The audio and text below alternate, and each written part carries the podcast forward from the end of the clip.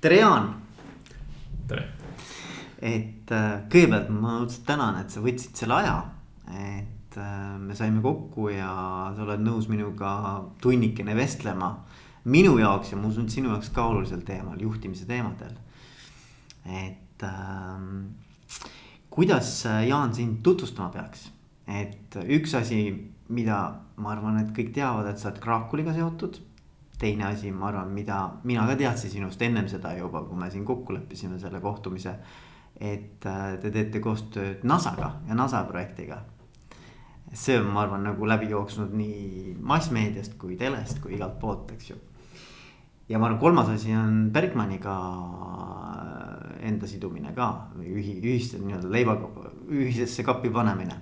et ma arvan, need kolm asja on nagu minu jaoks kohe, mis hüppavad ülesse aga mis veel võiksid inimesed teada Jaanist?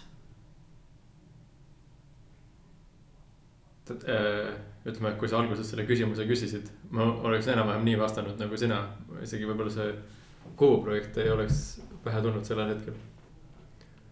Äh, ma arvan, et kuna meil siin, saade on juhtimisest. Äh, ja väga tore ka, et, et saan siin olla, ma seda Otto Richard Bookiga intervjuud kuulasin eile küll ainult poole peale, tunnistan ülesse, aga, aga see tekitas täitsa elevust, et, et neid teemasid niimoodi läbi võtta. et kuna ma ise ju otseselt äri või mingit juhtimist või sellist asja ei ole õppinud, et ma olin Krakoulis teine töötaja, siis. olen nii-öelda omal nahal äh, pidanud need õppetunnid saama, mida võib-olla oleks saanud äh, kiiremini teistmoodi, aga kindlasti mitte nii sügavuti. Mhm. et selles mõttes on äh, huvitav rääkida teiste praktikutega, kellel on mingit teooriat taga rohkem, on ju. ma saan aru ka sinu taustast, et, et sul on tegelikult siis ka te, nii-öelda teistsugune varasem kogemus. jah, aga kui ma peaks ennast äh, kirjeldama, siis ma ütleks, et äh, ma olen asjaarmastaja, kes on äh, sattunud äh, seda põhitööna tegema mm. -hmm kuidagi mulle meeldib mõelda, et sisimas ma olen veel natuke tehniline inimene, kuigi ma siis nii-öelda ausat tööd ei ole väga pikalt teinud aga, aga see on hästi huvitav ja mind kohe nagu hästi-hästi pani nagu paralleele tooma, et, et kui ma rääkisin ee, Kaarel Kotkaga Veriffist. siis tema ütles niimoodi, et, et ta nagu ei tunne, et ta oleks juht aga et ta, talle meeldib probleeme lahendada. leida nagu probleemidele lahendusi. ja sina ütlesid kuidagi huvitavalt praegu, et, et sa ei tunne nagu, et, et see oleks nagu töö, vaid et see on nagu midagi, mis sulle meeldib teha ja see on kuidagi nüüd muutunud nagu tööks. et ava seda natukene, seda mõtet. võib-olla no, et see eriti kui me räägime Krakowist on ju, tootearendusbüroo kontekstis, siis ma ju, ma tulin siia elektroonika praktikale.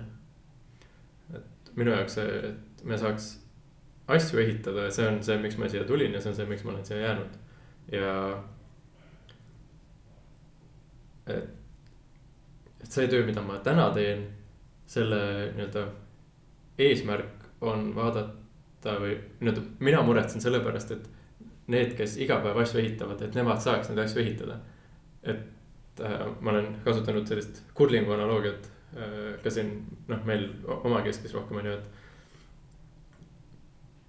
kui meil tiim on äh, see, kes kurlingus seda asja eest veeretab, on ju. siis äh, mina ei ole isegi mitte see, kes seal harjaga vehib, vaid minu ülesanne on vaadata, et harjad oleks kapis olemas, et teised teaksid, millises kapis on meie harjad. et selles mõttes ma tunnen ikka, et ma tegelen sellesama asjaga, mida ma tulin siia tegema. lihtsalt minu vastutused on natuke teistsugused mm. -hmm.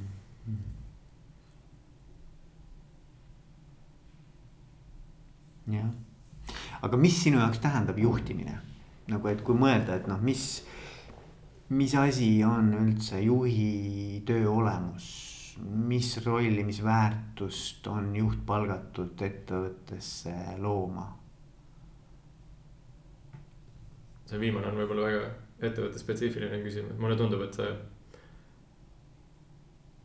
et juht on keegi, kes komplekteerib meeskonna ja annab meeskonnale siis selle nii-öelda suuna ja eesmärgi, on ju mm. -hmm. et nii-öelda luua need eeldused selleks, et midagi saavutada. võib-olla oleks kõige, mis ma ise nagu oskan äh, sõnastada, mis äh, mul on mõnes mõttes nüüd unikaalne positsioon, et äh, ma olen Krakoulis tegevjuht ja Bergmanis tehnoloogiajuht. ja Bergman on süvatehnoloogia startup, just liiklusohutuse valdkonnas on ju. ja, ja Krakul on äh, siis asjade interneti autonoomsete platvormide selline nagu arendusbüroo on ju. ja need ettevõtted on küllalt erinevad, nii et ma näen, et ma lähenen ka natukene nagu juhtimisele erinevalt mm. -hmm. Et ma ei oska veel mingeid väga põhjapanevaid järeldusi teha, aga mulle tundub, et, äh, et aru saada ka sellest. no et igasugune juhtimine ja töötamine toimub alati mingis kontekstis on ju ja selle, selle konteksti tajumine ja selle informatsiooni saamine ja, ja vahendamine on nagu meeletult oluline osa tööst. et üldse aru saada, mis olukorras me oleme täna. ja mida me peame tegema ja mis suunas me peame liikuma selleks, et seda mingit asja saavutada. Mm.. et kas meil täna on kõik olemas selle tegemiseks või ma pean hakkama äkki noh, kuskilt mingit takistust eemaldama. või mingit võimekust juurde leidma, mingeid kokkuleppeid ümber sõlmima kuidagi nagu selline hästi, hästi loov ja selline piirideta töö, mulle tundub. Mm.. et elektroonika poole pealt võib-olla füüsikaseadused olid need peamised ahistajad, et seda juhtimises nii palju ei ole ja see see on nii huvitav, me tegime väikse tuuri ka siin ennem kui maha istusime teie office'is siin akadeemia teel ja. ja mis mind kohe nagu kuidagi äh,. ma ei tea, nagu pani imestama, aga heas mõttes. Kui paljude erinevate valdkondadega te kokku puutute oma töös, et millised ägedad projektid väga erinevates nii-öelda ärivaldkondades teie lauale nagu kukuvad, et, et mind kohe nagu, mul tekkis nagu huvi, et, et kuidas te üldse nagu olete nende kaheksa-üheksa aasta jooksul, mis Krakul on toimetanud. Et kuidas nagu te oma äri kasvatanud olete nagu, et, et on, kuidas see nagu, kui sa natuke nagu ajalugu nagu avada nagu seda story't, et kuidas ettevõtte organisatsioon on arenenud ja, ja et mis sinu jaoks need kõige olulisemad etapid selle, selle käigus on olnud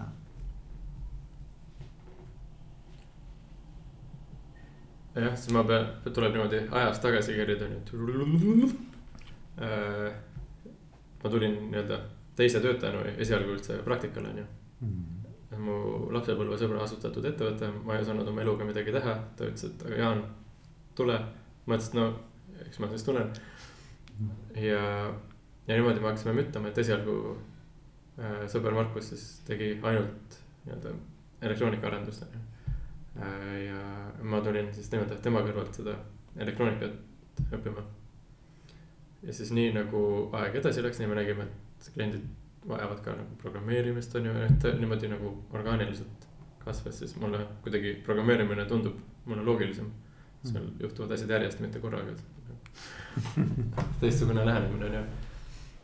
Äh, ja siis nii, ma hakkasin rohkem programmeerima siis me vaatasime, et meil on tööd rohkem kui inimesi, siis on vaja inimesi juurde võtta, siis äh, liitus, noh, Kristjan Toosen on, oli siis nii-öelda kolmas inimene või. et niimoodi ta esialgu kasvas ja siis äh, kaks tuhat kuusteist lõpus, kaks tuhat seitseteist alguses asutaja äh, leidis, et tema enam ei jaksa ja siis nii-öelda jagas ettevõtte ära veel minu ja, ja Kristjani ja, ja Jaan Viruga ja.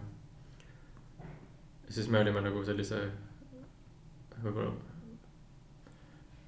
ma, ei oska seda kirjeldada, kujuta ette, et sulle kukub ettevõte sülle.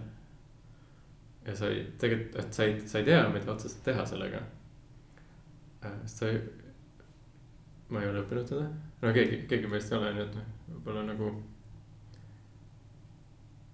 et, et see oli just see, et sa, sa leiad ennast mingist olukorrast mõnes mõttes, et muidugi me noh, võtsime vastu, et muidugi noh, teeme on ju selline. ma olin siis kakskümmend viis on ju, et kahekümne viie aastane mees, ma arvan, ei ole veel nagu võimeline üleni nagu tagajärgede üle juurdlema, et siis äh, tundus, et, et no muidugi teeme, et ega meil ju tegelikult midagi kaotada ei ole, et hakkame ühest otsast minema ja siis nii nagu ma õppisin siis arveid tegema ja palkasid maksma, nii ma sain aru, et need on kaks väga kriitilist osa ettevõtlusest on ju. ja, ja kuidagi see ärevus ja hirmutunne, et aga kui me kui meil kliente pole ja me tööd ei tee, siis me ju ei saa palkasid maksta, on ju, et see oli nagu kogu aeg, no tegelikult see on siiani kuklas kogu aeg, on ju. ja, ja see ajendas mind siis äh, nii-öelda hakkama tegelema sellega, et. võib-olla ta, tagantjärele neid lugusid rääkida on hästi lihtne jätta mulje, et meil oli mingi ettekujutus olemas, mida me teeme ja et, et mis suunas me peame liikuma üldse aga see ei oleks üleni aus mm -hmm. niimoodi öelda, et. ma arvan, et äh, sellist nii-öelda olukorra või situatsiooni taju mul on äh, nagu inimesena. ja, ja siis ma noh, tajusingi seda, et ma pean kogu aeg tegelema sellega, et kaks olulist osa äritegevusest saaks täidetud, on ju, et palgad saaks makstud ja et arved saaks välja kirjutatud, on ju. ja siis kaks tuhat seitseteist lõpus noh, sügisel on Äripäeva äriplaani konverents. ma läksin sinna ja ma nägin, et Arno Kütt esineb laval, on ju, Cleveroni asutaja tegevjuht. ma teadsin, et Cleveronil on elektroonikat sees, järelikult mul on mõtet temaga rääkima minna, on ju. ja siis, kui ta lavalt maha tuli, siis ma läksin talle juurde, selline praegu ma näen tõsiseltvõetav välja, siis ma nägin vähem tõsiseltvõetav välja, onju. ja ütlesin, et ma usun, et teil on elektroonikaga abi vaja, et me oskame elektroonikaga aidata ja noh, niimoodi nagu tagantjärele ma mõtlen, et enam ma vist ei julgeks niimoodi mm. -hmm. Enam ma muidugi ei pea ka, selles mõttes on olukord on nagu nii palju muutunud, aga et. et kuidagi see situatsioon, mille sees me olime, mille sees ma olen ennast leidnud, et, et see on nagu dikteerinud seda, et kuidas tuleb käituda, on ju. et ma, ma ei, ei saa öelda, et mingi väga suur visioon oleks ees olnud, et, et aastaks noh, mul praegu ka kuklas ei ole, sest aastaks kaks tuhat kolmkümmend on ju Krakul on selline, et. et niimoodi ma ei ole osanud kunagi töötada, aga just niimoodi nagu jupiti minna ja noh, siis üks, üks oligi see äh, nii-öelda. avastamine, et raha peab kuskilt tulema, et, et palgad maksta on ju ja kuidas see nagu kogu aeg hoidis ausana ja. või noh, see on mitte selles mõttes ausana, et, et kuidagi et ma muidu valetaks või midagi, aga et see hoidis nagu kogu aeg seda nagu sihti ees, on ju, et, et üht, et mina ei saa muretseda ühegi muu asja pärast, niikaua kuni see ei ole lahendatud, on ju. ja see omakorda viis sellise nagu kana ja muna probleemini kogu aeg, et kas on tööd liiga palju või on inimesi liiga palju. et siis ühega nendest tuleb nagu parasjagu tegeleda niimoodi me oleme orgaaniliselt kasvanud, et kui me võtame nüüd selle käibe andmed tagasi, siis see on ikka kuskil kakskümmend protsenti aastas niimoodi orgaanilist äh, kasumlikku kasvu. ja mingid suuremad murdepunktid, ma arvan, nii-öelda äh, suurema delegeerimise vajaduse õppimine on ju äh, sellesama aasta lõpus äh,. vist või, või kaks tuhat kaheksateist lõpus. mul oli üks kuu, kus äh, meil oli Viet, äh, Vietnami ja Šveitsi projekt sellel hetkel ja ma olin seal siis nii-öelda pidin tegevjuhtima äh,, arvetega tegelema ja selles projektis ma olin programmeerija. ja siis meil oli võrdlemisi lühikese etteteatamisega lend Vietnami, kust ma tulin tagasi niimoodi, et mul olid need kõik materjaliarved olid korralikult sisse kandmata ja mingid arvestused olid täiesti poolikud ja kliendid äh, kogu aeg nõudsid midagi ja, ja siis lõpuks juhtus niimoodi, et novembri eest me kirjutasime välja umbes võib-olla mõnetuhandesed mõne tuhande jagu arveid. detsembris ma kirjutasin üle saja tuhandest arved välja, siis ma sain aru, et see ei saa nii enam edasi minna. et väga kriitilised asjad takerduvad minu taha, on ju, ja siis me võtsime endale äh, osakoormusega raamatupidaja ettevõttesse sisse, et meil sellest nagu ärimudelist tulenevalt on seda äh, materjaliarveid käib hästi palju läbi ja need tuleb ikkagi nagu õigesti läbi kamandada ja edasi teha, nii et. et see oli üks väga suur murdepunkt ja, ja teine oli see, et. meil üldiselt nagu ma inimesena väga ei ole käski väga käsutav. Äh, meil on, insenerid on nii-öelda äh, mahekasvatatud või, või vabapidamisel on ju. mulle meeldib see, see on päris hea Free, free roam engineers on ju. Äh, see natukene. Ma isiklikult arvan, et see selline vabapidamine töötab hästi, kui on väike, väike tiim. sest inimesed ju omavahel suhtlevad. ja, ja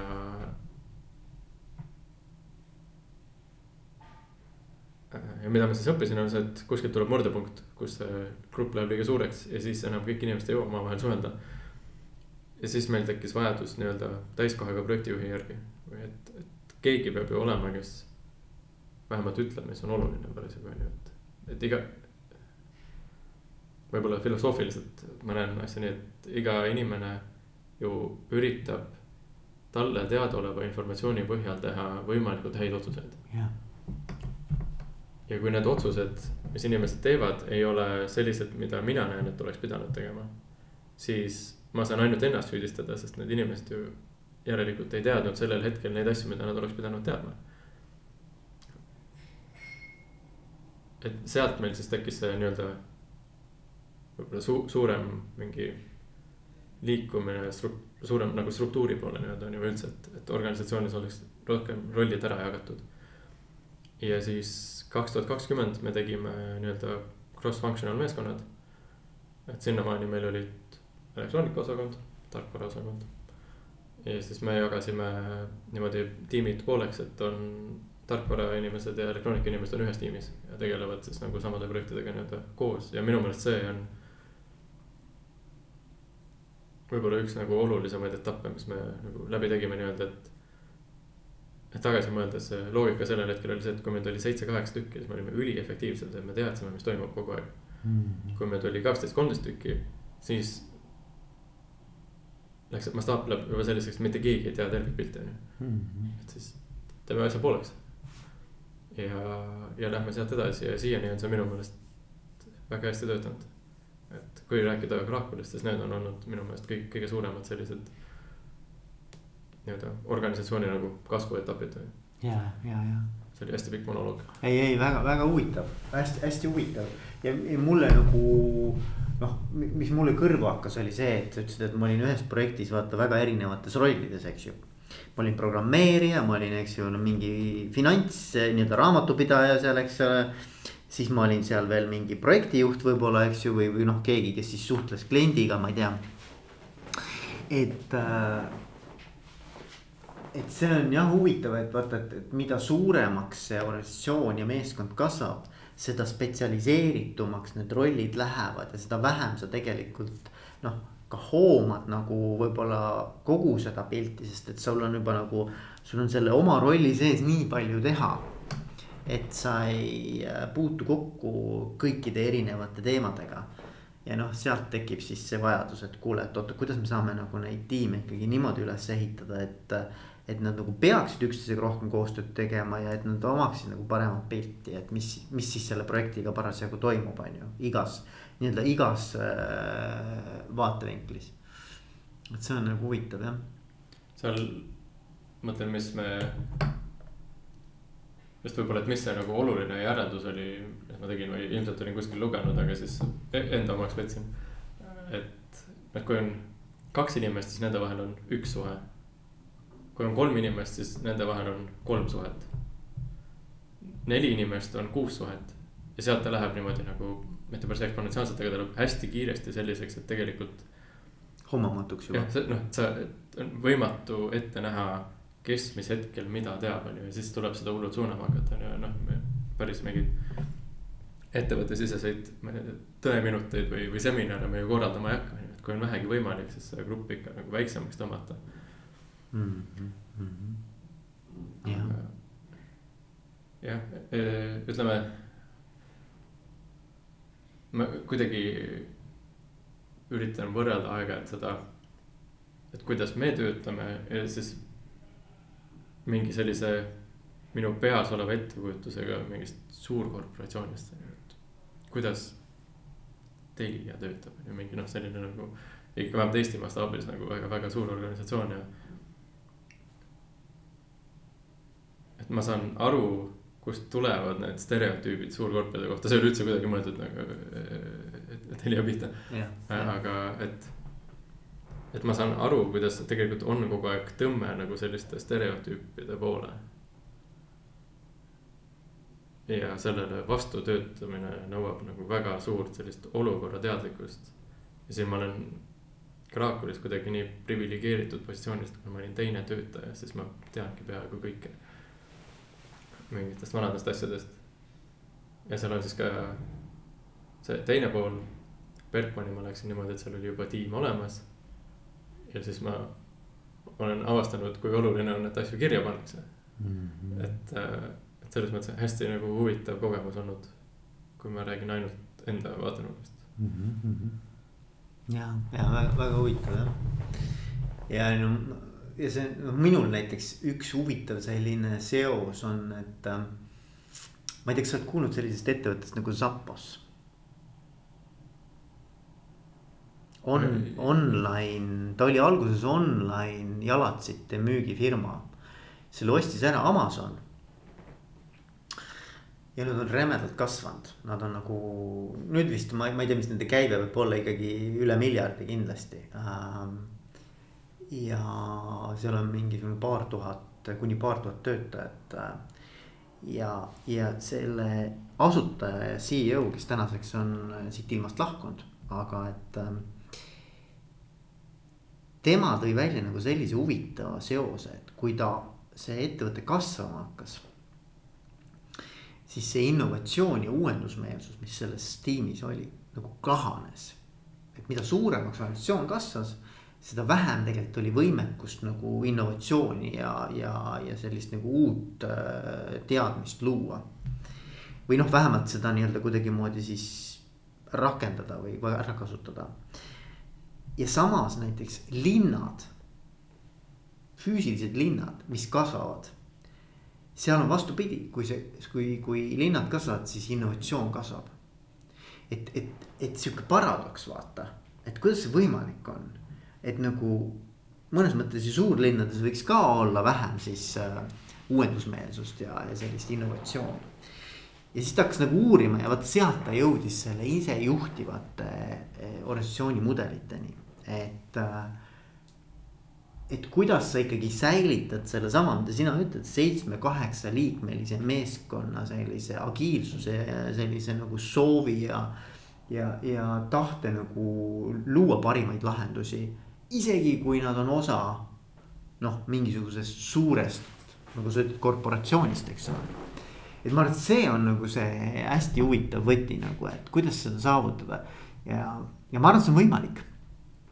Aga see ei ole kindlasti lihtne, eks ju, et sest, et, et seal tekivad igasugused muud jõud, mis, mis nagu paratamatult suurte organisatsioonide kaasas käivad.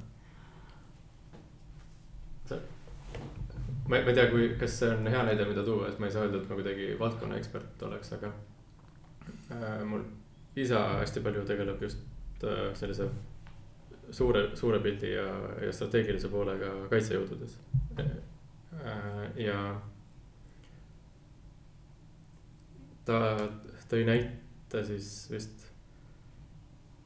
nii-öelda sõjaväelisest või noh, demokraatlikes riikides on kaitsevägi on ju ka, kaitsevägede nagu sellisest nii-öelda siis task force'i lähenemisest, et meil on küll kahurvägi ja, ja tankivägi ja mingid nagu hästi sellised nagu ko konkreetsed, lihtsasti mõistetavad silod. aga mingi konkreetse ülesande täitmiseks siis luuakse see task force niimoodi, et võetakse, et võib-olla meil on vaja kahte lennukit, neljakümmet äh, jalaväelast on ju, et me komplekteerime täpselt sellise meeskonna, mida me näeme, et on vaja mingi konkreetse eesmärgi saavutamiseks, ju. et, et lahti öelda sellisest jah, nagu nii-öelda silo variandist ja, ja panna kokku just need inimesed on ju, et see on minu meelest, et oluline ei ole see, et need on, ma ei tea, üksused või, või masinad on ju, et see ei ole tingimata nagu Excelisse panna, vaid et oluline on. komplekteerida need inimesed ja oskused ja võimekused mingi konkreetse ülesande lahendamiseks on ju. võib-olla, ühesõnaga selline kuidagi mõte mulle seostus sellega, mis sa rääkisid, et. ja, ja, ja, jah, ei nõus, et, et nagu, et ähm et kuidas see meeskond oleks selline, see on ka huvitav, vaata see meeskonna komplekteerimine, sa ütlesid ka, et juhi töö on üks, üks osa on nagu meeskonna komplekteerimine ja siis visiooni ja sihukese nagu tulevikunägemuse eh, kirjeldamine või, või noh, sinna nagu inspireerimine, eks ole, et, et see, see on see, mida me nagu, kuhu me poole me liigume. Aga mis mulle nagu selle meeskonna komplekteerimise juures on alati nagu huvi pakkunud, on see, et ähm,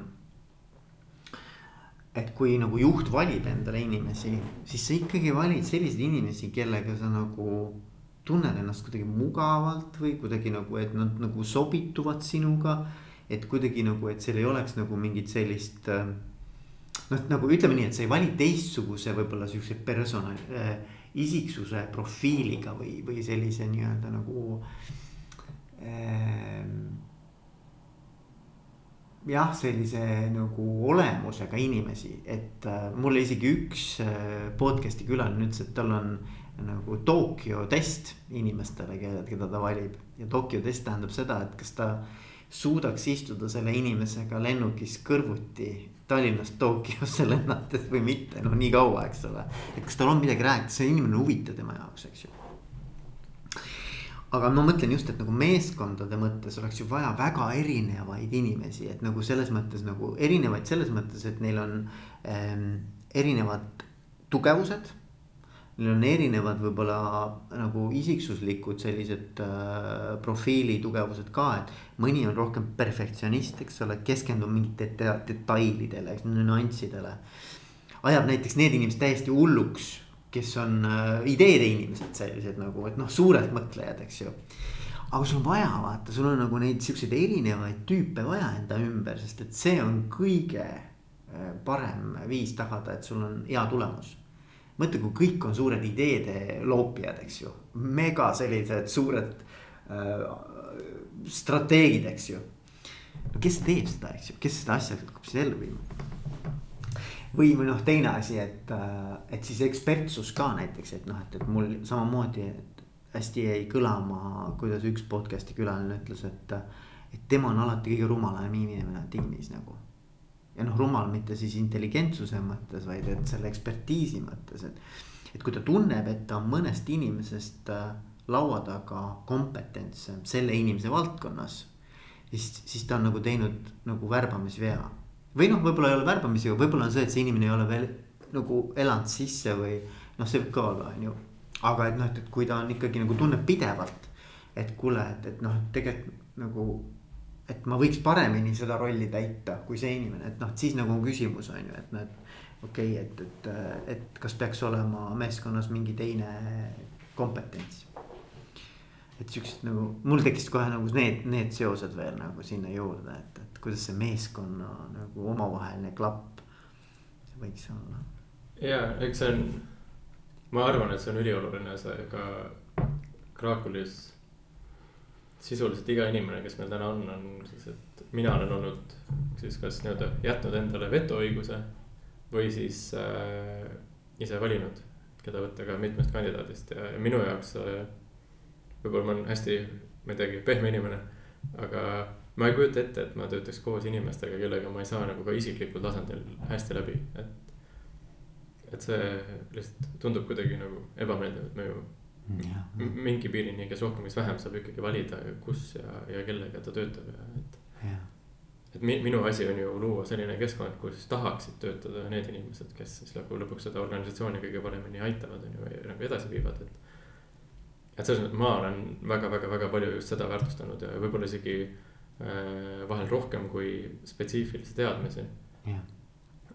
Äh, või siis nii-öelda seda ekspertiisi, mis on natukene vastu sellele, mis sa räägid, kuigi ma printsiibis nõustun sellega. ja ma ise ka pidin nii-öelda selle kasvuvalu läbi tegema, et alguses ma ju teadsingi hästi nii-öelda no vähemalt nagu meie enda ettevõttena nagu äh, kogemuste ja ekspertiisi mõttes ja me oleme küllalt julgenud võtnud ka noori inimesi, äh, sest.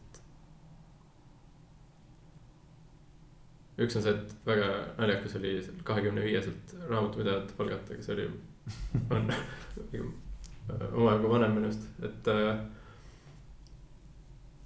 et see oli huvitav kogemus, aga ka teistpidi mulle tundub, et kui inimene hullult tahab midagi teha, isegi kui ta pole varem seda täpselt teinud, aga ta tahab seda teha ja ta tahab õppida, siis sealt saab lõpuks parema tulemuse, kui sa võimaldad ja, ja toetad inimesel tegutseda mm. -hmm.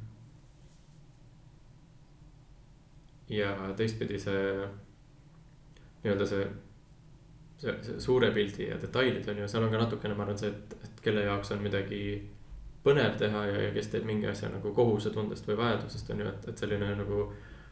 peab olema selline tervislik segu äh, inimestest ja, ja lõpuks. kui on vähegi normaalsed suhtlejad ja enam-vähem sarnaste väärtushinnangutega inimesed, siis ma usun, et leitakse nagu omavahel kuidagi selline.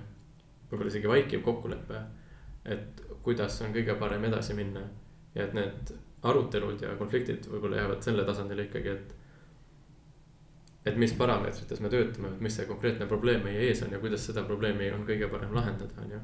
ja et saab sellist rohkem diskussiooni pidada, kui vaielda, on ju. ja, ja. ja ma arvan, et juhil on väga suur roll selle, sellise õhkkonna loomises ja et ka julgetaks tunnistada, kui on midagi halvasti tehtud või valesti tehtud. ja, ja. et jah, nenditakse, et see läks fenomenaalselt halvasti vaatame nüüd, kuidas seda tulevikus vältida.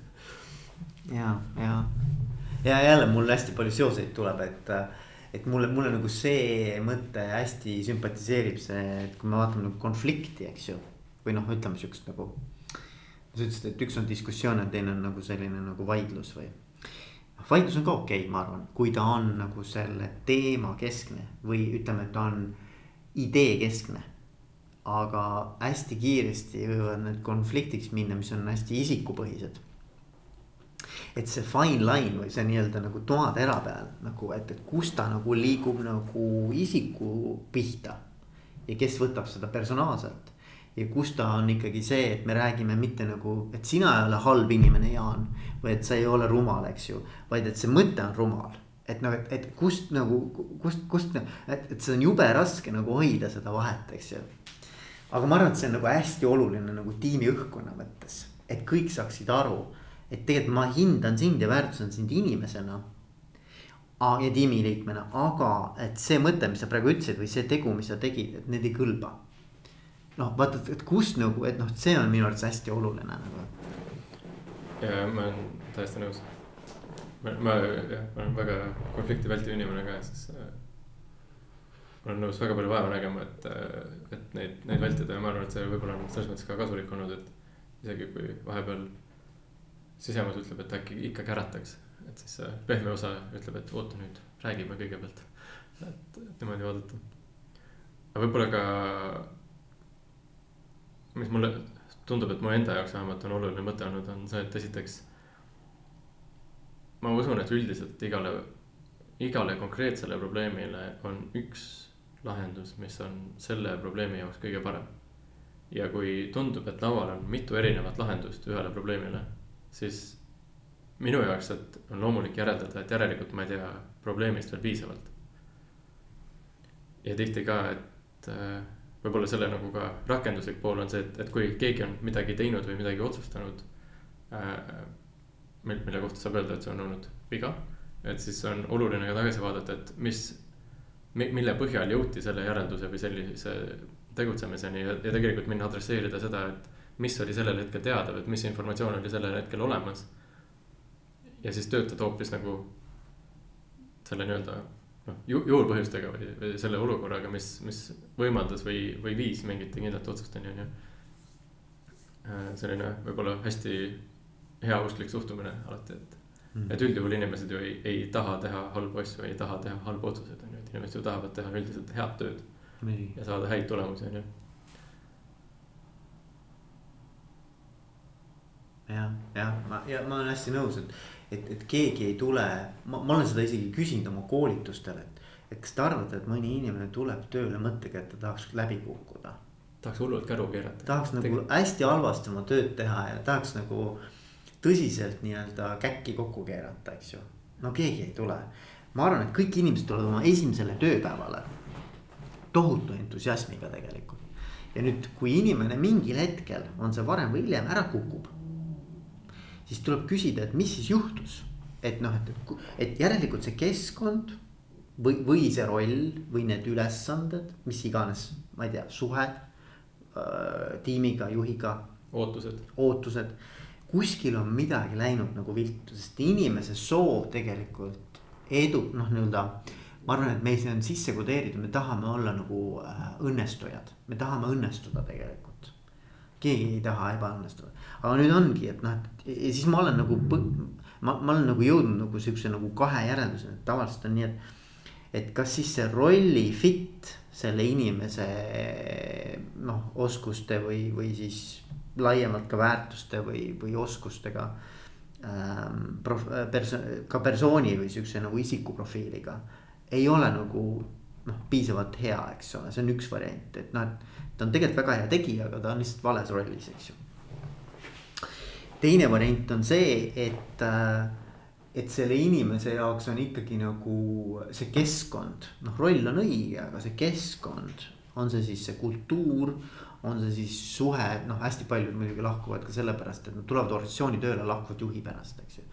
Või mitte ainult noh, nagu, nagu oma otsese juhiga seos nagu ei ole piisavalt hea, see on hästi oluline. muide, tegin äh, podcast'i äh, Tallinna Tehnikaülikooli tööprofessoriga, tööpsühholoogia professoriga.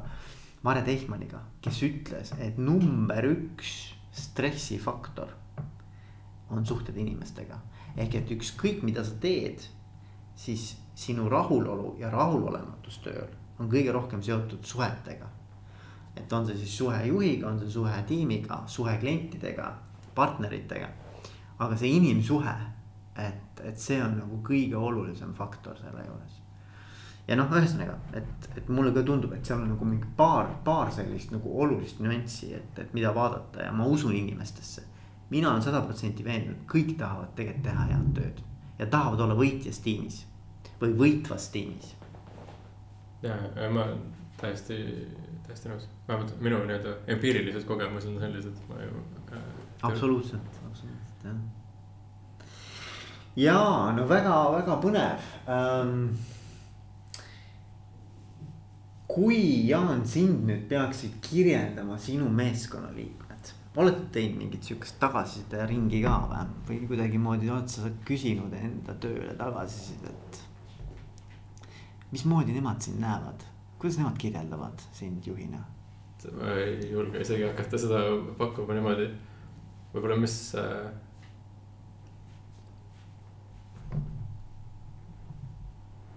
ma ei ole üritanud endast kunagi mõelda otseselt kui nii-öelda.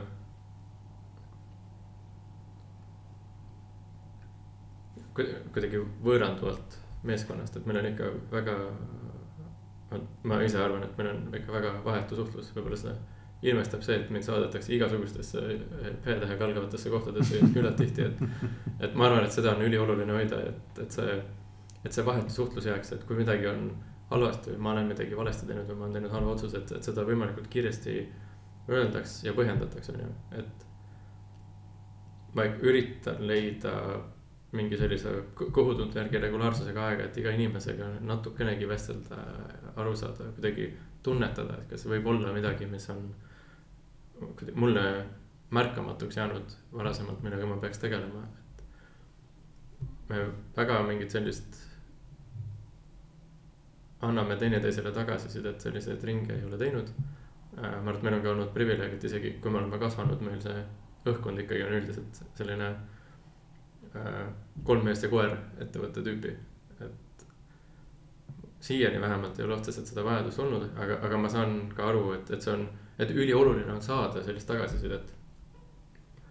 me lihtsalt ja, ja ma usun, et me täna siin saame, me lihtsalt ei ole seda kuidagi mingiks formaalseks mhm. protsessiks teinud mm, sest mm. -hmm. et ütleme, mul on endal imelik tunne mingit sellist väga formaalse olemisega arenguvestlust läbi viia, et me oleme proovinud see mulle endale jääb sellest natuke räpane mulje, et, et kuidas, kuidas mina ütlen kellelegi, et sa pead neid asju paremini tegema, kui ma ise ei oska.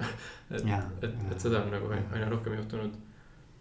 ja ma ka meie tiimijuhtidele äh,, no kes kindlasti, kellega ma usun, et meil on väga suures osas noh, väärtused ja lähenemised klapivad, et, et äh,. et seal me ka ikka üritame just seda nii-öelda võimaldada inimestel võimalikult hästi oma ekspertiisi kasutada. ja tootearendusbüroona on ju, meil on ka sellist, me ju peame lähtuma klientidest, kes on ka inimesed. ja, ja kliendi vajadustest, kes võib olla hoopis teistsugune ettevõte, hoopis teistsugune äri, et, et sellist nagu. et empaatia peab olema osa nagu igast protsessist justkui on ju, või igast nagu otsusest, et, et me lihtsalt saaks aru sellest, kus, kust teine inimene tuleb ja. ja nii-öelda lasta tal rohkem olla tema ise ja vaadata lihtsalt, et see oleks siis nende nagu seda suuremat pilti edendav tegemine mm. -hmm. see oli päris mitu teemat tagasi minna, see oli huvitav, huvitav mõte see just, et. et kui keegi hakkab täitma mingit positsiooni või rolli, äh, mis justkui tundub, et ei taha edeneda, on ju, et, et siis, et mis järjekorras hakata nagu otsima seda äh,. Juurpõhjust on ju, või jah, just, et, et et mis selleni viib, et, et see on hästi huvitav mõte, mul selles osas mingeid väga põhjapanevaid järeldusi ei ole, aga äh,. et jah, see on tore on kuulda ka sellist hästi heausklikku vaadet äh, et sinu poolt, et võib-olla ma mingis, ma ei teagi, lapsepõlve mingid traumad või stereotüübid on mind viinud nagu kuidagi see, et. et äh, ma ei tea, väga edukad inimesed või et, et suurte organisatsioonide juhid, et, et siis sa peadki olema natukene selline tõbras või kuidagi, aga, aga, aga see ei ole üldse nagu kuidagi äh, minu, minu kogemus olnud, et, et pigem ma näen seda, et kõige paremad juhid on hästi empaatilised. ja sellised valvama olemisega ja, ja head kuulajad on ju, et, et see on nagu kuidagi tore. ja, ja, ja, ja. aga mis sul endal on äh, need kohad, kus sa oled tundnud, et, et sa tahaksid nagu paremaks saada või et mis on need arengukohad, kus sa nagu tunned, et vot, et ma lähiajal tahaks seal teha mingisuguse hüppe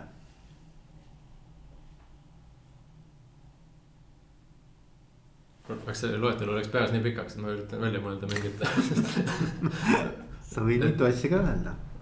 jah, nii me siin. mõtlen võib-olla, milles ma nüüd olen natuke paremaks saanud, aga selline. Ei ütlemine vahepeal mm -hmm. või, mis see inglise keeles öeldakse, et see on selline assertive communication, et äh,. nagu kehtestav. just jah, jah, et öelda ei olukorras, kus sul on igati okei okay öelda ei ja kus tegelikult isegi ei oodata, et sa ütleks jaa, et ikkagi. Endale sisendada seda, noh, see, see on terapeutide lause on ju, et kui sa ütled kellelegi ei, siis sa ütled endale jaa mm. -hmm. et ja, ja seda ka tegelikult meil nii-öelda ka tiimi mõttes on ju, et lõpuks ükskõik mis piiratud ressursi olukorras sa ju teed kas teadlikult või, või teadmatult, sa teed valikuid selle ressursi allokeerimise osas on ju mm. -hmm ja väga suur osa sellest on see ei ütlemine ja see ju algab minust. et äh, milliseid liide me hakkame taga ajama, milliseid projekte me otsime, on ju äh,. kellega me suhtleme, kellele me oma aega anname, et, et see nõuab sellist. Ikkagi, et ükskõik, kas sa teed seda teadlikult või teadmatult, kuidagi su aeg jaguneb, et sul on kontrolli ainult selle üle, et kas see on nagu haakub sellega, mis sa tahad ise saavutada, on ju. nii nagu eraviisiliselt kui ka ettevõttes sees. kui ma, kui me olime väiksemad ja see iga, igapäevane mure sellepärast, et mis saab järgmine kuu oli suurem. siis ma ütlesin kõigele ja, ja võib-olla, et sellel hetkel see oli õige, aga, aga täna enam ei pruugi olla, et, et kuidagi seda nagu endas rohkem kultiveerida, et. Et enne kui ma ütlen ei või jaa, ma pean ikka nagu astuma sammu tagasi ja vaatama, et. mis need suuremad tagajärjed on äh, veel, mida ma tahaks endas arendada.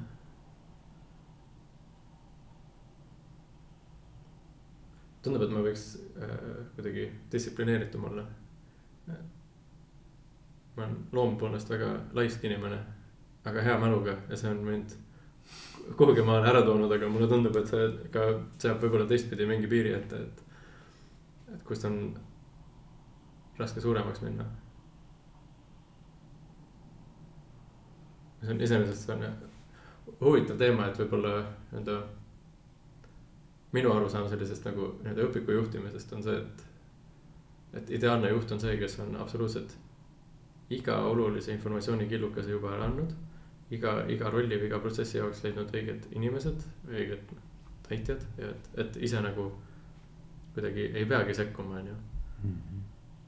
aga enda puhul ma olen seda, et ma kuidagi kõige rohkem seda väärtuslikku infot ja seda olukorra taju saan, kui ma lihtsalt käin ringi ja noh, sisuliselt tülitan teisi inimesi, uurin, et mis sa siin teed. kuidas sul läheb. miks sa seda nii tegid, noh nagu he heas mõttes on ju, et, et räägi mulle, kuidas sa selle nimetasid või et. Et sellist nagu torkimist on hästi palju, võib-olla ilma selleta saaks ka, ma ei ole veel proovinud. Inglise keeles on mingi sihuke termin nagu management by walking around. mingi täitsa on olemas sihuke lähenemine kohe. ehk point on see, et sa käidki nagu ringi ja suhtled ja uurid, kuidas inimestel läheb ja oled selline nii-öelda mõnes mõttes sihuke käsn, kes siis üle ettevõtte organisatsiooni tõmbab endasse nagu erinevaid teemasid ja infot. Et ja noh, muidugi pakud toetust ka, eks ju, läbi selle nagu, et. aga see on huvitav jah. ja et, no võib-olla see on mingi minu enda mingi kuidagi stereotüüp peas on ju, et, et minu vaimusilmas selline miljard aastas aktsiaseltsi juhatuse see. esimees. ei, mis ta on, istungi, juhatuse koosolek. juhatuse koosolek. Nii et on olemas kolm protokolli, et kaheksateist inimest, kõik ülikonnas ära keelitatud juustega on ju selline, kõik on üliametlik on ju, et meil on see. Need minutid ees, et igalühel on teema jaoks kolm minutit, see mingi, et sa pead hullult ette valmistama kõike sul peab olema nelikümmend A4 perfektselt vormistatud mingit dokumenti juba enne valmis, mida sa. mida viimased kaks nädalat ette valmistasid, et mina ei ole veel näinud sellist asja, aga mulle kuidagi, et. Et ma isegi ei tea, kas nii päriselt tehakse või mitte, aga see on kuidagi see ideaal, millega ma ennast võrdlen, et ma. täna ikkagi hästi palju jah, lähtun nagu mingist sellisest tunnetusest, üritan aru saada, et mis hetkel ma enam ei tea piisavalt, et üldse midagi arvata mm. -hmm. Äh, võib-olla siin ma keeraks need rollid teistpidi, et sina kui intervjueerija äh,. Milline on sinu ettekujutus või arusaam suurtest aktsiaseltsi juhatuse koosolekutest? ma olen olnud seal ma tean väga hästi, kuidas nad käivad. et eks nad on erinevad ka, näiteks tegelikult on olnud mul ka väga ägedaid kogemusi. et ähm, ma olin kunagi Eesti Energias sisekommunikatsiooni juht ja seal oli niimoodi, et juba sel ajal, see oli võib-olla kaks tuhat neli või kaks tuhat viis. päris ikkagi viisteist, kuusteist aastat tagasi, seitseteist aastat tagasi. no ma olin siis kuuendas klassis jah, räägi edasi palun. see oli mu esimene töökoht. siis oli niimoodi, et juhatuse koosolekud käisid niimoodi, et kõik materjalid nagu saadeti ette elektrooniliselt ja kui inimesed olid nagu nõus selle ettepaneku, otsuse ettepanekuga, siis ei saadud üldse kokkugi. Ehk et nagu tegelikult see oli see tol ajal väga nagu kõva sõna, et sul oli nagu otsuse noh, ettepanek on ju, mida otsustada. ja siis oli taustamaterjal lahti kirjutatud ja inimesed said eelnevalt juba tutvuda ja võib-olla panid, et nad on nõus, on ju. ja siis ei pidanudki üldse nagu koosolekut pidama et noh, minu jaoks oli see tol ajal ikkagi nagu kõva selline arendus, et et, et mul pigem nagu meeldis see selline uuendusmeelsus seal. see on selles mõttes, mis mulle kõige rohkem jäi kõrva, oli see, et, et kokku saada selleks, et saada otsust mm. -hmm. aga mulle kuidagi tundub, et see otsus on kõige vähem oluline osa okay.. vaid see. arutelu. see arutelu ja see, et kuidas, et mis fakte vaadates ja neid tõlgendades, sobitades sellesse nii-öelda sellesse olukorda või keskkonda, kus mm. me oleme, et, et. et kuidas see viib selle otsuseni, on ju, et, et võib-olla nagu. Juhtimise mõttes ka on ju, jällegi mulle tundub, et see, et see otsus tegelikult ei ole nii väga oluline, see otsus kindlasti võtab nii-öelda, kui mina otsustan, siis mina vastutan, on ju, justkui, aga mm. see otsuse põhjenduse jaoks on ju oluline, et me saaks kõik läbi teha selle mõttekäigu, et kuidas me selle otsuseni jõuame mm., mulle, mulle tundub jah, et see on nagu see. nõus ja ei kindlasti ja, ja ma olen nõus jah, ja ma arvan, mida kõrgemale sa lähed nii-öelda vaata, kui sul on suur püramiid, eks ole. Mida kõrgemale sa püramiidis lähed, seda vähem käib, vot ma arvan, nagu noh, asi niimoodi, et kõik jagavad matsu, millest üldse räägitakse. sellepärast, et äh, see võib-olla, kust see vajadus selle otsuse järgi tuleb, on üldsegi kuskil väga lokaalne äh, teema mingisuguse väikese üksuse jaoks, eks ole. ja need inimesed, kes siis noh, ma ei tea, kui suur see otsustusahel on, eks ju, noh, mida suurem, seda keerukam. et nad ei pruugi tegelikult üldse tajuda mil-, mida nad otsustavad, eks ju. ja no ma annan, ma annan aru, et noh, et see ei ole parim viis ja ma arvan, et see ongi üks võib-olla selliste suurte nii-öelda korporatsioonide noh, nagu nõrkusi, eks ju, et, et see otsustusahel on nii pikk. see hullult, kõik seostub selle Otto Richard Cooki selle intervjuuga ka on ju, et tal on see just vastu, vastupidi on ju, et võimalikult madalal tasemel ära otsustada. Äh, mis, ma saan täiesti enda vaatenurgast, ma saan täiesti aru, et äh, miks see, et et raske on tegelikult ennast nagu sundida kuidagi, ma ei tea, usaldama või niimoodi, onju. et jah, hästi-hästi-hästi põnev teema ja minu meelest on ikkagi see, kuidas organisatsioonid kasvavad ja arenevad ja milliseks nad muutuvad ja, ja mille pärast on ju, et. mitte, et väga sellist esoteerilist või deterministlikku juttu ajada, on ju, aga et. et asjad juhtuvad ju põhjusega, on ju, et seal on, mhm. noh, taga on mingi protsess või mingi nähtus, mis, mis suunab organisatsioone või jah, inimesi kuidagi mingit kindlat moodi käituma. või mingite selliste kindlate tulemusteni jõudma, sest et, et jah hästi huvitav teema. see on, see on selles mõttes nagu mulle jäi ka seesama teema Ottoga vestlusest äh, väga kõrvu, sest et äh, ma tõin isegi tsitaadi selle kohta välja, minu arvates oli, ma toon alati tsitaadi välja igast äh, vestlusest. mis on nagu natuke sihuke diiser, vaata noh, sihuke. töötas. noh, töötab, on ju, et, et temaga oli nagu minu arust nagu huvitav oli see, et. Um, et mida teeb inimesega see, kui ta tunneb, et talle on antud uh, õigus oma valdkonnas, oma töö osas, oma rolli osas nagu otsustada. noh, lokaalselt nii-öelda on ju, kuna nemad mõnes mõttes ju teavadki seda asja kõige paremini, mis seal toimub aga mida see teeb selle inimesega või selle tiimiga, kui sa nagu mõtled selle peale. et kui, kui sa tunned, eks ju, et sulle on antud usaldus. Teha valikuid ja otsuseid, mis puudutavad sinu tööd. et see on nagu mega, mega hea tunne tegelikult, see on nagu noh, mingis mõttes võiks öelda, et sa isegi püüad siis teha kõik selleks, et seda usaldust väärida noh, jällegi ma mõtlen võib-olla liiga hästi inimestest, aga ma, ma päriselt arvan. et tegelikult see, kui inimene tunneb, et talle on midagi usaldatud, mida ta võib kuritarvitada. Aga ta ei taha, on ju, või ei pea. Eh, pigem vastupidi, siis ta tegelikult hakkab seda hindama ja ta püüab võib-olla saavutada veel paremat tulemust, kui ta oleks siis saavutanud, kui ta seda ei tunneks. ma olen, ma olen täiesti nõus aga see on nagu sihukene nagu, see ongi natukene nagu sihukene nagu kalju ääre peal seismine juhina. et sa lased nagu lendu ennast, kas need tiivad kannavad, eks ju. Et lendu tähendab seda, et sa annad nagu mõnes mõttes usaldust alla. ja siis noh, et kas need, kas need nii-öelda tiimid või, või tiimiliikmed, kas nad kannavad siis sind. ja kogu seda organisatsiooni, et noh, see on siis nagu usalduse küsimus ja, ja võimekuse küsimus, eks ju. ja, ja, ja ja seda on ka, seda on väga raske saavutada, aga seda on veel raskem mõõta, on ju, mõnes mõttes. See lugu kõlab uhkustamisena, aga siit see point on hoopis teine, aga ma eelmine suvi äh, ma sain puhata äh,. küllalt pikalt ja ma pärast puhkust ühel sünnipäeval jäin paari ettevõtjaga rääkima äh,. ja mu käest küsiti, et Jaan, kui hästi sul on asjad ära organiseeritud ettevõttes? see on väga raske asi, mida mõõta on ju selles mõttes, see mingit ühte objektiivset numbrit anda, aga, aga ma vastasin, et äh, ma sain kuu aega nii puhata, et ükski asi ei jõudnud minuni. ja, ja selle peale oldi väga üllatunud, et see oli siis muljetavaldav, et. et see on jah, selles mõttes hästi huvitav, et kui sa oled ise nii-öelda see, mis oli management by walking on ju, või noh, et laias laastus üritan ennast kursis hoida sellega, et kõik, mis siin nagu suuremas pildis toimub niimoodi ja.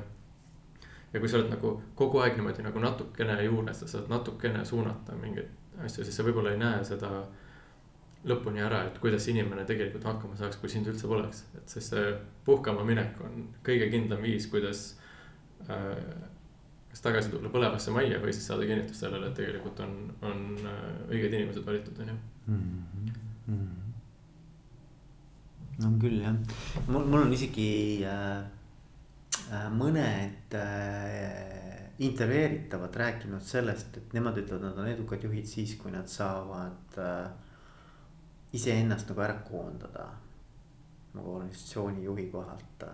see oleks mõnes mõttes see unistus. see oleks nagu unistus, et, et noh, et, et, et ma, minu funktsioon juhina muutub täpiks nagu, et lihtsalt nagu kogu aeg väheneb, kuna tiim saavutab üha rohkem ja rohkem iseseisvust.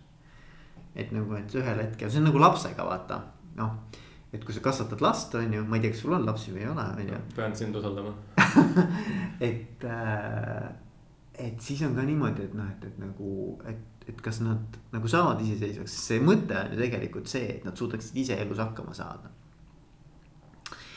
ja noh, vanemana sa nagu siis nagu toetad ja aitad ja kasvatad ja, ja suunad vastavalt sellele. ja noh, mulle tundub, noh, võib-olla see on kohatu paralleel, aga. aga et noh, nagu tiimiga on midagi sarnast, võib-olla küll oluliselt lühemas ajaperspektiivis, aga. aga et nagu, et, et tiim, kuidas oleks võimalik nii, et tiimi sõltuvus minust kui juhist oleks minimaalne. et, et küsida, et noh, et, et, et mis on need asjad, mis ikkagi hoiavad seda sõltuvussuhest suhet nagu juhist, on ju. On mingid funktsioonid, mida juht niikuinii peab tegema, noh, isegi kui teda ei ole, siis keegi teine võtab selle rolli. aga, aga neid ei ole väga palju tegelikult. et ma arvan, et sihuke traditsiooniline manager'i sihuke funktsioonide rida on oluliselt pikem, kui ta tegelikult peaks olema. Ehm, ja, ja noh, selles mõttes see, ma arvan, on nagu huvitav mõte, et, et kuidas saavutada olukord, kus mind enam nagu tiimile nagu, nagu päriselt vaja ei ole. No see on isegi natuke huvitav seda niipidi sõnastada, et võib-olla. et see, mis sa kirjeldad, see ütleb, et justkui äh, ilma juhita tiimi ei eksisteeriks või mitte midagi ei juhtuks või kuidagi, et see nii-öelda nagu see, see tiimi baastase ilma suunamiseta oleks mingi täielik kaos või mingi sorti nagu negatiivne number on ju, aga mm. -hmm. Ma ei, ma ei tea, kas nii on õige öelda, et see võib-olla mõnes mõttes see tähtsustab kuidagi. ma ei tea, kas see tähtsustab juhi rolli üle või see kuidagi alandab nagu iga, iga tiimiliikme sellist nagu rolli või, või kaalu, et mm. -hmm. ma ise olen kuidagi just niipidi mõelnud, et äh, meil on siin ju, enamus on kõrgharitud inimesed, kes suudavad panna õhtul magama minnes endale äratuse. Et äh, ärgata üles kindlal ajal, teha endale süüa äh,, kasida ennast ära äh,. tulla, kui ta on lubanud mingiks ajaks kohale tulla, tulla ennast, tulla õigeks ajaks möödustega kohale siis teha seda, mis ta on lubanud üldse noh, et et oma elu ta saab ju elatud, ta on oma hariduse kätte saanud, mis nõuab ju omajagu enesedistsipliini ja ajaplaneerimist on ju, et. kuidagi äh, väga selline üleolev mõte on minu meelest see, et, et ilma juhita see inimene ei saaks nagu hakkama või, või kuidagi minu meelest äh,. või siis noh, minu võib-olla selline äh,, ma ei tea, sotsiaaldemokraatlik utoopia peas on see, et äh,. kui ma paneks laias laastus noh, mingi sellise tüpaažiga on ju äh, viis inimest ühte tuppa ja ütleks neile enam-vähem, kuhu suunas liikuda. siis see asi liigub sinna ilma mingi suurema sekkumiseta, et. et minu meelest see nii-öelda igapäevatöö nagu käimas hoidmise või liikumise osas, mulle tundub, et seal võib-olla juht saab olla pigem takistav tegur aga ta ei saa olla kuidagi kiirendav tegur, on ju, või noh, selline, et. et see nii-öelda ta, tasakaalupunkt või see orgaaniline asjade seis on see, et inimesed enam-vähem töötavad koos ja asi liigub mingis suunas. et seal see just see juhi ülesanne on võimalikult vähe ette jääda ja võimalikult palju veel takistusi eest ära koristada. et selline, ma ei teagi, inimeste ise organiseerumise mingi teooria. ja mulle väga meeldib see ja, ja sa, ma arvan, et sul on õige point öelda, et, et see on natukene nagu sihuke üleolev. eh, soov noh, et, et umbes, kui sa niimoodi sõnastad, eks ole, et. et ma, ma tahaksin nagu sõltuvust vähendada siis sinna on nagu sisse kirjutatud eeldus, et see sõltuvus on juba nagu. et üldse eksisteerib. nagu eksisteerib, eks ju. aga see, aga, aga, aga reaalsus äh, on see, et organisatsioonikultuurides juba noh, ütleme väga noh, ma olen olnud ikkagi väga paljude ettevõtetega seotud ja see, see, on ikkagi enamus ettevõtetes on sisse kodeeritud. selline õpitud, natuke õpitud abitust. ehk et ja see ei ole mitte sellepärast, et inimesed ei tahaks teha tööd või ei tahaks head tööd teha. Vaid mulle tundub, et see, sa oled selle õpitud abituskontseptsiooniga tuttav, tead seda? jah, mu ema sõimab mind väga tihti seda kasutada. see oli, see oli naljaga, ta, meil on väga-väga hea suhe, ta on väga hea inimene aga.... et, et, et noh, et, et vaata, et see, see, see, see sai nagu alguse sellest, et kui sa paned mingid piirangud inimestele peale või kuidagimoodi nagu surnud, surud nagu mingisse karpi, on ju. Siis sa võtad selle karbi ümbert ära, võtad piirangud ära, siis ta tegelikult ei oska sealt nagu ikka välja minna. et nagu, et mina usun, et inimestes on tegelikult olemas soov.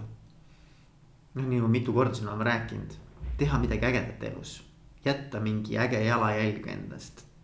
saada sellist eduelamust aga kui neil on ette kirjutatud alguses, kuidas, mismoodi täpselt, mis teemadega, kus, kelle käest küsida nõu, kelle käest küsida äh, nii-öelda õigust midagi teha.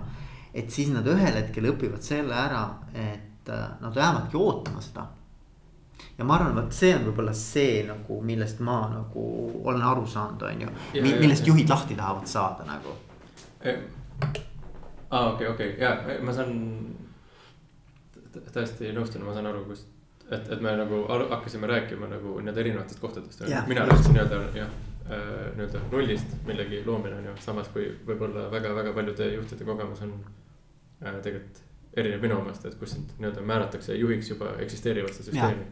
ja, ja, ja seda kindlasti ja see oli ka hästi sõnastatud sul, et, et öeldakse, mida tuleb teha või et kuidas tuleb teha, on ju, aga mitte, et, et mida tuleb saavutada.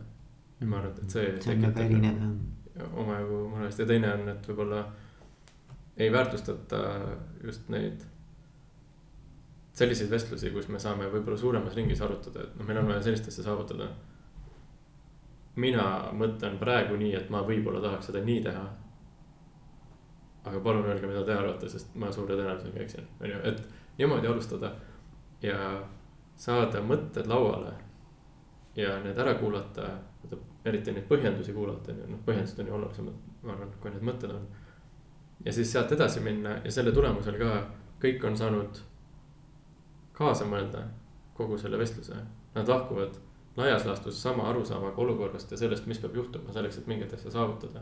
sealt edasi nagu ma arvan, nii-öelda lööb sisse see inimeste ise, ise organiseerumine ja see, et lõpuks ju me tahame üldjuhul teha head tööd. sest me isegi alati ei saa aru, kas me teame piisavalt või kas meil on piisavalt vahendeid, et seda tööd teha hästi. ja võib-olla vahel me ka usaldame oma juhte liiga palju. Äh, et nemad teavad, mida nad teevad, sest see vähemalt enda elu näitel alati ei vasta tõele, on ju. ja, ja mõtle nüüd, noh, võtame võib-olla, võib-olla lihtsam on mõelda nii, et võtame mingisugused riigid, on ju. et kuidas riiki juht-, juhitakse. et, et kui sa seal näiteks kujutad nüüd ette, et et, et mõnes riigis, eks ole, et tahaks sellist nagu ise organiseeruvat ja ise nii-öelda oma valdkonnas, oma regioonis otsuseid tegevaid äh, siukseid lokaalseid üksusi. no mõnes riigis see ei ole lihtsalt mõeldav, sellepärast et nad ei oska midagi teha, nad on nii harjunud, see kultuur on nagu nii juba nagu, et see ootus selle järele on nii tugev, eks ju ja minu arust hea selline harjutus, mida läbi teha juhina.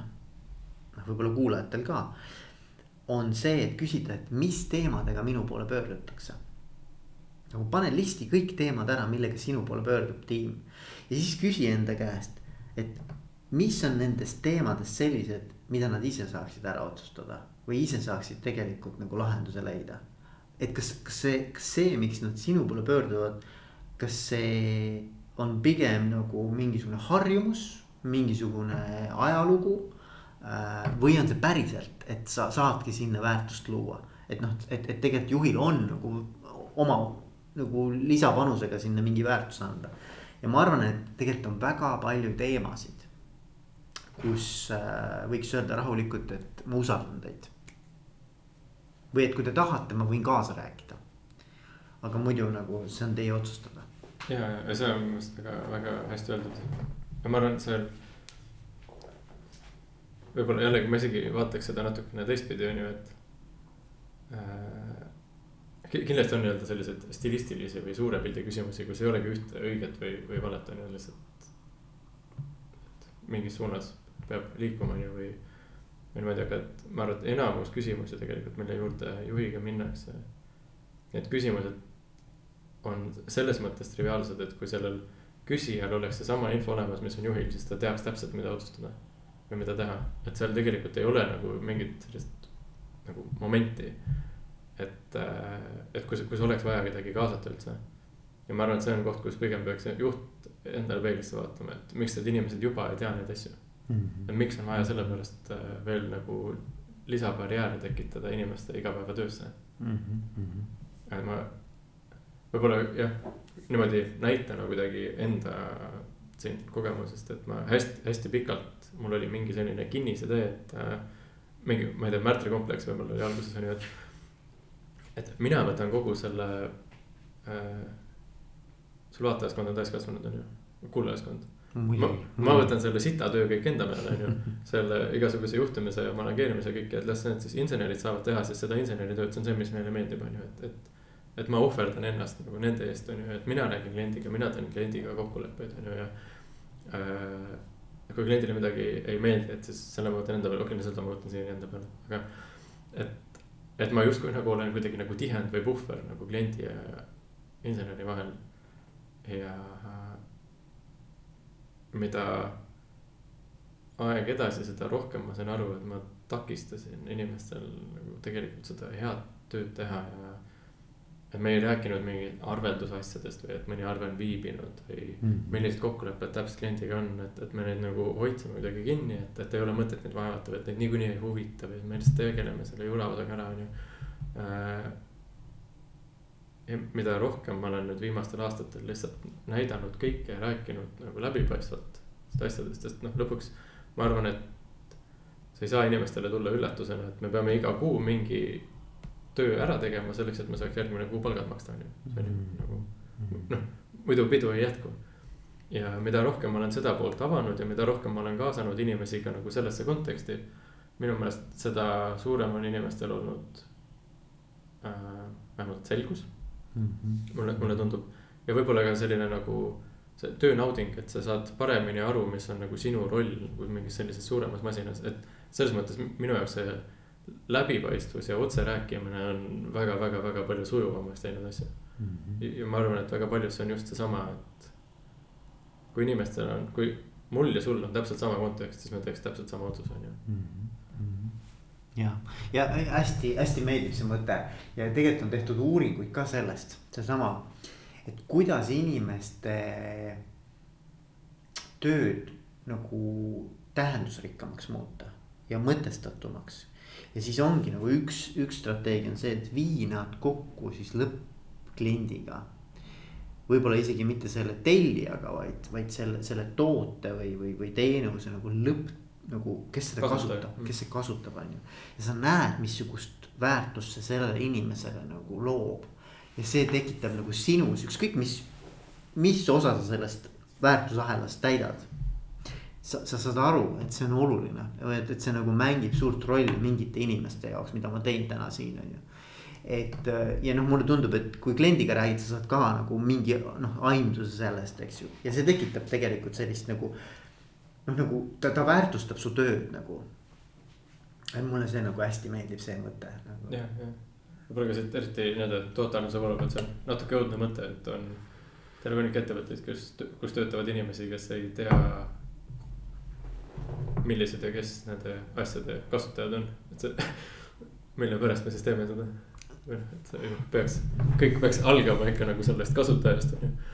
ja siis hakkame tagasi töötama aga kui see on piisavalt pikk ahel, siis tegelikult inimesed ei pruugi sellega kokku puutuda. ja, ei, ma ütleme, ma, ma saan aru äh, mis asjad peavad juhtuma selleks, et selle tulemuseni jõuda. -hmm. aga see ei tähenda, et see tulemus peab olema aktsepteeritav, on ju. ja, ja nõus jah, jah, jah. kuule, väga põnevad jutud on, ülipõnev, ütle mulle veel seda, et kui sa peaksid andma mingisugust soovitusi. näiteks just juhi rolli saanud inimesele, kes pole varem juhina töötanud. mis oleks sinu soovitus, et see inimene oleks edaspidi juhi rollis ühelt poolt edukas, teiselt poolt ka rahulolev. et mis, mis sa oled ise õppinud, mida sa annaksid selliste soovitustena? mul tulevad ainult klišeed pähe või siis kõik, mis me oleme siin juba rääkinud, aga ma arvan, et peamine on ikka see, et õpi teisi kuulama. päriselt kuulama, ehk siis nagu seda ka mõtet omaks võtma, on ju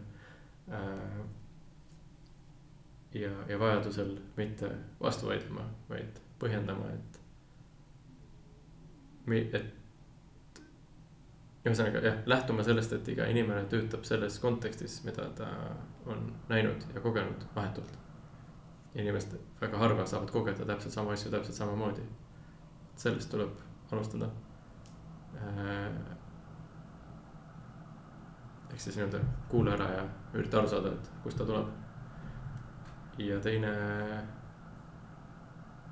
ma arvan, et võib-olla mitte ennast liiga tähtsana tunda ülejäänud tiimiga võrreldes, sest kõigil on tegelikult ju oma roll selles, et see nii-öelda grupp saavutaks mingi edu, et keegi ei võida üksi, mm. -hmm. ja väga, väga äge, väga head mõtted. jaa ja kas on midagi, mida ma ei küsinud su käest ja sa mõtlesid täna minuga kohtumisele tulles, et kuule, et vot see on teema, mida ma tahaks puudutada. tead, ega tegelikult ei ole vist, ma siin oma mingite monoloogide sees, ma olen kõik saanud hingelt ära rääkida, et. ma tunnen, et ma olen nüüd ennast ammendanud. ammendanud, ammendanud kuule, aga ma tänan siis Jaan ja selles mõttes ma jään ootama kõikvõimalike igasuguste unistuste täitumist sul Kraakulis ja Bergmannis ja, ja, ja mine tea. kuidas meie teed veel kokku viivad, et äkki teeme veel ühe podcast'i mingil hetkel või, või mõnel muul moel äh, teeme koostööd, nii et äh, igal juhul väga äge oli tundma õppida sind. ja sind ka, ma arvan, et äh, ma ei oska nii südamlikult midagi soovida praegu, aga annan aga ma kindlasti tahaks sinuga veel rääkida, kas mikrofoniga või mitte, aga siit jah. ma tunnen, et ma valdavalt siin monoloogi esitaja rollis olen ikkagi väga palju saanud sinuga rääkimast, et selles mõttes äh, on selline käsi peseb kätt äh, saade olnud. aitäh sulle, Jaan. aitäh